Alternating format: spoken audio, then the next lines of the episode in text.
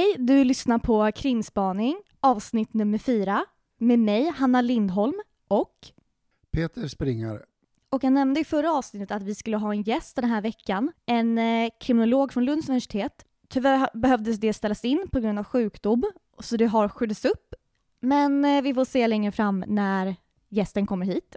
I alla fall, vi tänkte börja med att kommentera Ukraina-krisen vi spelar in idag fredag och det har ju hänt väldigt mycket sedan i onsdags. Och sen är huvudfokuset förnedringsrån där jag kommer berätta om en eh, examensuppsats som jag skrev i kriminologi. Men vi kan ju börja med, vad är din spaning om Ukraina? Om vi gör en liten lekmannaanalys. Ja, för min del kan jag säga att jag har reagerat som de flesta andra. Jag, jag trodde ju faktiskt inte att det här skulle ske, om man säger så. För nu är det ju så att eh, jag, jag har ju gått och funderat över den här Putin lite, hur han tänker och hur han beter sig och så vidare. Och det här med Ukraina, det är ju ingenting speciellt nytt heller, utan det har ju varit olika omgångar där han har visat musklerna där. Och vi har ju det här med Krimhalvön och sen har det ju varit tidigare incidenter där han har bullat upp ganska mycket militär kraft så att säga i anslutning till Ukrainas gräns.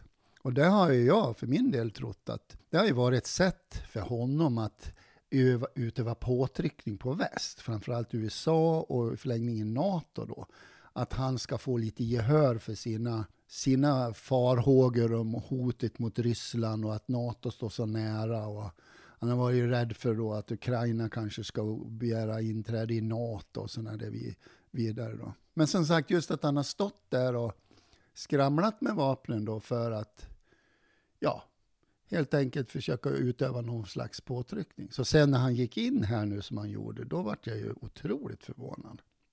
Ja, det var en väldigt storskalig invasion. Jag trodde ju att han skulle kanske fokusera på de yttre delarna av Ukraina, med att gå in i huvudstaden så här. Det trodde jag inte. Men hur har Sverige hanterat det här då? Sverige har redan sagt nej till, att, eh, till vapenexport och militär hjälp. Ann Linde uttryckte att man, vi kan inte bara ändra våra vapenregler för att det är en konflikt. Det här är praxis. Det här överensstämmer inte med det svenska regelverket för exportkontroll av krigsmateriel.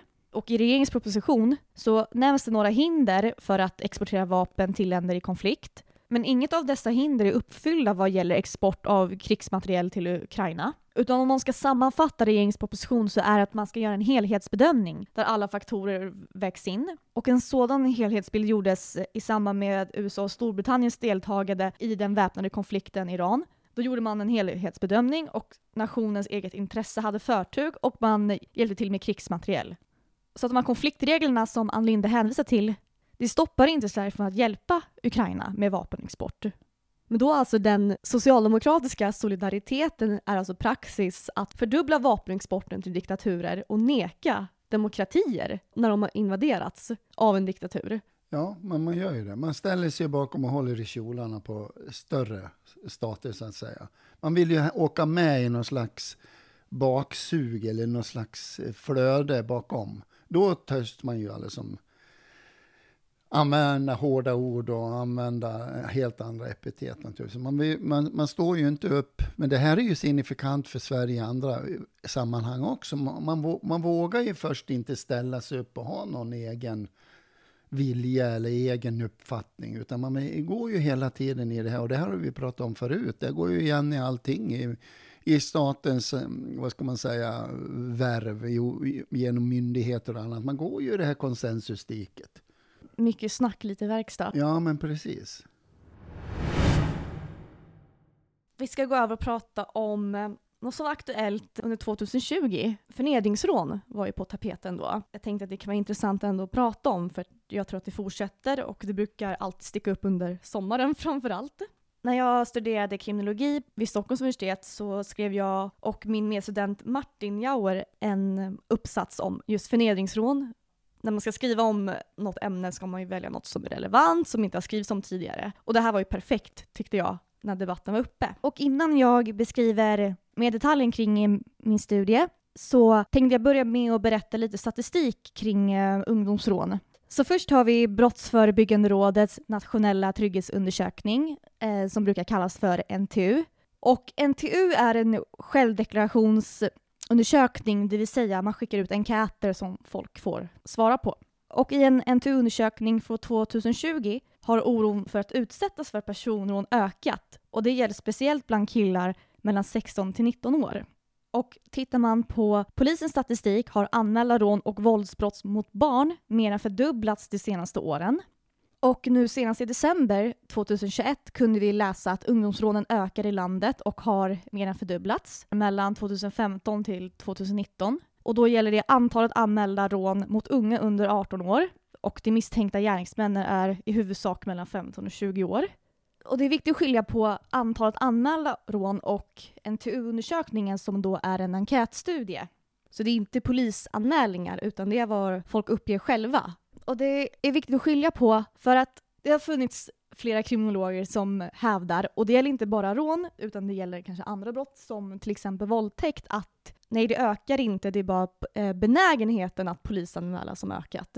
Och jag skulle säga att det är inte så mycket som stödjer det argumentet, för att kombinerar man NTU och polisanmälningar, då kan man ju se att det är en faktisk ökning, för båda visar samma sak när det kan komma till våldtäkter eller rån. Och påstår man att det bara är anmälningsbenägenheten som ökat, då måste du titta på mer statistik för att belägga det argumentet. Och då kan man ju exempelvis titta på NTU. Och när både statistik och NTU-undersökningar visar samma sak, är det snarare tvärtom, att det inte har med ökad anmälningsbenägenhet att göra, utan det handlar om en faktisk ökning. Vi ser ju en trend att det här ökar och så finns det fortfarande kriminologer som säger att förnedringsrån inte existerar. Mm. Ja, precis. Men vad, vad är ett förnedringsrån då? För det finns inget lagbrott som har det ordet.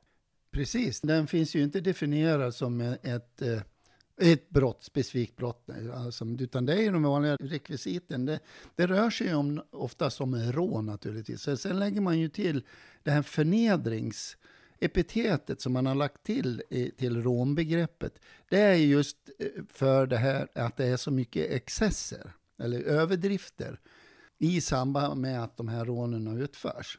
Till exempel att de har ju urinerat i ansiktet på dem, mun på, och de har fått klätt av sig nakna. Och då har man ju då slagit ihop det där och kallar just sådana här eh, eh, företeelser, sådana här brott då, där, man, där det går till överdrifter, att man nöjer sig inte med till exempel att bara stjäla av dem smycken, mobiler eller dyra jackor, eller någonting, utan man måste göra någonting mer. Man måste psykiskt och fysiskt riktigt kränka de här rånoffren, så att säga. Och då blir det det här förnedringsrån, kallas det för. Men sen ska man göra klart för sig också att i de här ärendena man kallar för rån så är det ju betydligt grövre brott än rån många gånger också. Det är oftast en kombination av till exempel rånbrott och det kan vara olaga frihetsberövande inte så sällan. Och, och, ja, men misshandel kan ju konsumeras då inom ramen för att man med hot eller våld tvingar någon då, så att säga, då blir det ju rån. Men visst, det är en misshandel som ligger med naturligtvis. Personen blir ju misshandlad. Men jag menar rent i, i vad ska man säga, rubriceringshänseende så kan man ju lägga oftast till där, olaga frihetsberövande till exempel, och, och du har människorov, det vi kallar då för i vanligt tal för kidnappning då så att säga. Så att det är ju oftast väldigt, och de är ju mycket grövre brott, de är ju mycket högre i straffskala till exempel än vad ett vanligt rån är till exempel. Mm, och det, det är ju lite fulknep att hävda att förnedringsrån inte existerar, men man för ju inte någon statistik på det på det sättet. Däremot utsåg språkrådet förnedringsrån som ett nytt ord i sin årliga lista över svenska nyord. Och då det inte finns en entydig juridisk definition av vad ett förnedringsrån är tyckte jag därför det var intressant att undersöka då. då. Och där jag eh, förlitar mig på anekdotiska beskrivningar av åtta stycken poliser som har erfarenhet av att jobba med grova rånbrott och som har träffat förövare som begått sådana brott. Kortfattat så var ju en samstämmig bild från poliserna jag intervjuade att så fort rånet fortsätter efter att man fått värdesaker, det är då det blir ett förnedringsrån. Och då är det alltså allt ifrån en örfil eller flera timmars kränkningar. Och det behöver inte vara att rånet egentligen Ja, rånet, man kan kalla det för rånet, men det, det, till exempel när det här pågår efter, som du sa där, när du beskrev det här. Man ser att det fortsätter och då kan det ofta bli de här bitarna, olaga frihetsberövande till exempel. Man, man för bort någon till exempel, man tvingar in någon i en bil eller åker ut i skogen med vederbörande eller något sånt. Va? Eller tvingar in dem i någon, något utrymme eller någon liten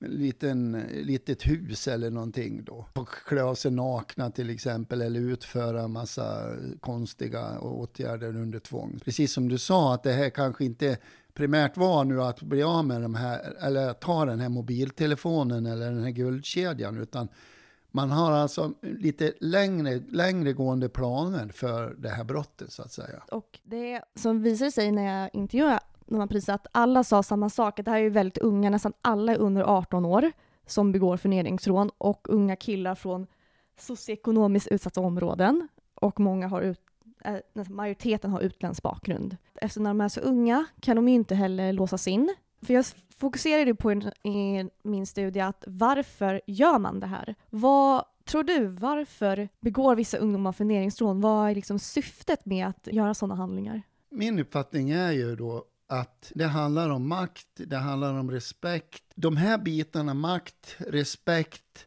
det sätts in i en slags kulturell kontext. För om man tittar på vad det här handlar om, det här bygger ju botten också på ett slags hat. Det utstrålar ju hat när man gör på det här viset. Va? Mm. Det här kommer ju oftast av gärningsmän som kommer från det vi kallar för MENA-länderna. Mellanöstern och kanske främst Nordafrika eller en annan ställen i Afrika. Och det här har man ju även sett när det gäller förnedringsrånen. Man har ju konstaterat, det kanske man gjorde efter det att du skrev din uppsats, och det har Brå gjort nämligen, tagit fram siffror på det här. Där man konstaterar ju att ungefär, du kommer ända upp till åtta av tio gärningsmän det är av utländsk härkomst. Antingen de födda utomlands eller andra generationens Vilka brott tänkte du? Ja, fördelningsrånen nu pratar jag om. Och att du har nästan åtta av tio offer när det gäller fördelningsrån är svensk härkomst. Mm. Vissa tycker inte man ska prata om kultur i de här sammanhangen, att det är kulturellt betingat med vissa företeelser när vi ser hur man begår brott mot kvinnor och annat. Va? Men det är det. Det är kultur. Ett exempel bara, en liten anekdot, anekdot från Örebro här bara för några veckor sedan. Då träffade jag en grovt kriminell, yrkeskriminell kan jag säga, som jag haft mycket att göra med lite tidigare för några år sedan. Han, han hade ju rätta till sig nu. Han är en svensk, en ursvensk kriminell, alltid varit kriminell, levt på samhällets baksida, gjort det mesta när det gäller kriminalitet. Vi stannar och pratar på ett ställe i Örebro, vi har inte setts på flera år. Och han, så, och han sa det, du Peter, sa, ja, ja, det är så jäkla skönt jag kom ifrån det här med kriminaliteten nu. Så. Och det gick bra med missbruket också. Och han har fått jobb och så vidare. Ja, det är så jävla skönt att jag kom ifrån det här, sa han. Ja, ja men det är ju jättebra. Ja, jag, jag, klar, jag fattar inte de här som är kriminella idag och vad de här invandrarna kommer in, in med för slags kriminalitet. Det går ju inte att vara kriminell idag. De är helt hänsynslösa, sa han. Där, jaha, vad då menar du? Så börjar jag prata, jag, jag har ju de där uppfattningarna också naturligtvis. Ja, då börjar han ju förklara för mig hur över tid, eller som när den här, och det är det som ger mig vatten på kvarn med den här krigsinspirerade kriminaliteten, det här respekt som de ska ha, de ska äga, de ska ha makt och de ska gå genvägar. De, det finns inga regler eller normer. Han var också inne på det där att vi hade i alla fall någon form av heder som kriminell. Och I sin kriminalitet så finns det någon form av spärrar. Det finns inte det hos merparten av de invandrade kriminella menar jag. Och det är kulturellt betingat. Vi kan återkomma till då varför de här unga personerna, killar mest, gör det här. Och du har helt rätt i att det här är en form av maktutövning. Men en intressant sak, det var också att de här unga personerna vill signalera till äldre kriminella att visa hur tuff man är och få en respons från dem. Och det har skapats en subkultur i de här områdena att ju värre man är, desto bättre. Och det finns en väldigt intressant kriminologisk teori hur ett område får en, en annan subkultur som skiljer sig från det traditionella samhället. Att begå kriminella handlingar och brottsligt beteende har blivit normaliserat som ett sätt att få status.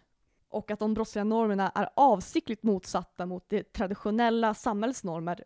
Det här kunde appliceras väldigt bra för att det har växt fram en kultur där barn mellan ja, var ungefär, det var mellan 12 och 20 år, ungefär åldersspannet på de som föreningsrånat, de tycker det är häftigt och man uppmuntrar varandra. Jag tycker det här saknas i debatten, för att när man pratar om förebyggande arbete mot brottslighet, då har man premissen att folk vill lämna kriminalitet. Det kommer aldrig gå när man tycker att brottsligt beteende är något att sträva efter och något att se upp till. De här personerna vill vara kriminella. De vill leva det här livet. De, vill in, de har inga ambitioner att lämna det, för det är ju de status. Och hur ska man då kunna förebygga något de inte vill lämna? Nej, exakt. Det har du helt rätt. Och det kommer vi in på de här bitarna med till exempel Sluta skjut-projektet, avhopparverksamhet. Det är också en slags naiv tanke vi har i, i samhället. det ska satsas jättemycket på. Framförallt ska polisen vara så involverad om vi tar till exempel med avhopparverksamhet. Det ska väl inte alls polisen vara så involverad i. Det är en helt annan sak. Här ska de ha stöttning och hjälp ute i samhället. De ska ha bostad, de ska hjälpa att ha jobb, de ska ha en social stöttning. Vad ska polisen in där och göra? Polisen ska sköta sitt arbete. Men här är det precis som du säger. Jag håller fullständigt med om i de här delarna. Det brottsförebyggande, bara vi startar det, sluta skjuta, det är jättebra. Och avhopparverksamhet, det är inte det. Går man in och synar och tittar på avhopparverksamheten, ja då börjar man slingra sig om du ställer sådana som är ansvar för olika sådana här projekt. Hur många är det? Vad finns det för resultat de senaste två, tre åren? Ja, då börjar man på eh, slingra sig oftast i den frågeställningen då. Ja, vi hade ju första och det var ju, vi identifierade ju 150 stycken, ja men det var inte det det var frågan om. Ja, så kommer nästa på samma tema. Då. Jo, men vi hade ju möte med några, det var faktiskt, vi hade 80 stycken första, ja men det var inte det det var frågan om. Och så kokar det här oftast ner att ja, oh, men vi har nog eh, tre, fyra stycken de senaste tre åren. Förstår du? Att det blir ingenting av sådana här saker och på grund av det du säger, precis det du sa. att Det är totalt kontraproduktivt och värdelöst. För här handlar det om, ska man nå fram, då måste ju personerna ha ett genuint intresse själva. För jag vet ju till exempel, jag har ju pratat med också grovt kriminella som har varit gängkriminella. Jag vet, jag pratade med en som har varit med och skjutit och ena med det tredje. Herregud, jag har ju pratat om det. Han säger det där är ju bara en stor jävla fars. Och polisen till exempel vet ju inte och, och uh, andra myndigheter i kommun och så vidare det går ju att lura dem hur mycket som helst. Många av de här, de hoppar ju på det här. Ja, då jublar ju polis och de som är involverade i de här programmen. Då gör de vågen och high five. Åh, nu har vi fått med den på tåget. Ja, men oftast, eller i vart fall in, in, vid många av de här tillfällen, då hoppar man på det där som kriminell. Man vänder sig kanske till polisen, man vill kanske gå in och prova det här programmet, hänge sig åt det här AVAPA-programmet. Det är för att man är akut jagad. Det är för alla som räddat sitt eget skinn tillfälligt nu här. Va? Och få polisskydd, få hjälp med kanske en lägenhet så man hinner hämta sig, landa. Man kanske får bostäder och flyttar och du har någon slags livvaktsskydd. Va? Men i grunden är du inte alls genuint intresserad egentligen att hoppa av det här. Men just nu brinner det speciellt i fötterna. Va? Då är det skönt kanske att få ett litet andrum ett halvår med poliser som dansar efter en pipa och gör så fort man sträcker upp handen man får allt man pekar på. Det spelar ingen roll hur mycket resurser man lägger in och program och så vidare i förebyggande, utan det centrala är ju att krossa den här kulturen som uppstått och den här mentaliteten. Mm. Och det, och det är därför vi måste renodla det här. Och det är därför jag med en dåres envishet alltid säger det att polisen, som är den yttersta utposten med att verkligen konfrontera de här kriminella, Oavsett om de är av utländsk härkomst eller svenska. Det är polisen som ska konfronteras med dem, det initialt vid gripanden och så vidare. Sen vid förhörsbordet inne när de sitter kanske frihetsberövade när de ska lagför, innan de ska lagföras och så vidare. Det är där vi måste tagga upp och kunna vinklippa de här. Förstår du? Deras egon, deras, de ska ha respekt för allting, de ska, ha dom, de ska dominera, de äger hela världen och så vidare det är ju vi, det, eller det är polisen som är den enda egentligen institution som har makt och, och ska ha möjligheter att sätta stopp för de där tankebanorna på ett hårt, hårt och väldigt robust sätt. Va? Men det sker ju inte idag. Det enda sättet att stävja det här det är att fokusera på, vad ska man säga, ordningsmakten, rättsväsendets makt och eh, framförallt polismakten så att säga. Att agera som uppdraget kräver. Men också att lagarna är inte anpassade, eller straffpåföljd är inte anpassade för sån här typ av kriminalitet i Sverige. Eftersom du kan inte låsa in en 15-åring. Då kommer en åklagare och, säga, och hänvisar till häktningsregler och de släpps ut igen. Polisen är också frustrerade över det här, för de, de vill ju själva, alltså berättar de för mig i studien, att de vill ju ha mer verktyg också, så de blir ju också låsta. En polis berättade för mig att han har tagit samma person flera gånger om men han kan inte låsa in honom, han, han har inga legala verktyg till det heller. Nej, i den delen håller jag med dig, just med det här med straff faktiskt när det gäller ungdomar. Det är förlegat. För jag menar, och sen ser man också lika åldrarna här. Du tittar, allting går längre ner i åldrar. Skulle man göra en undersökning där också tror jag att du skulle procentuellt få fram en klar övervägande del med invandrarbakgrund med 12-13-åringar eller 11-12-13-åringar som begår kriminella, är, är redan kriminella. Det är också mer kulturellt. Och de vill, precis som du sa, med sådana här förnedringsrån och sånt här som går ner i åldrarna, både på gärningsmän och offer, så att säga. Det är för att manifestera, visa makt, visa vad man är kapabel till, för att leva upp till den här kulturen. Det är på den här nivån vi ska vara. Mm, och signalera status. Signalera status, signalera, signalera att här, jag kan skapa mig makt. Va? Jag, jag kan befästa en maktposition. Va? Och jag har ett våldskapital redan som kanske 13-14-åring som kanske Tidigare så var det människor som kanske var kriminella som var både 25 och 30 år som kunde betinga ett sånt eller inneha ett sånt våldskapital som en liten 13, 12, 13-åring kan ha idag. Va? Och, och det där är ju det där är ju ett stort problem naturligtvis. Och det är ju återigen i den där kontexten med de här företeelserna.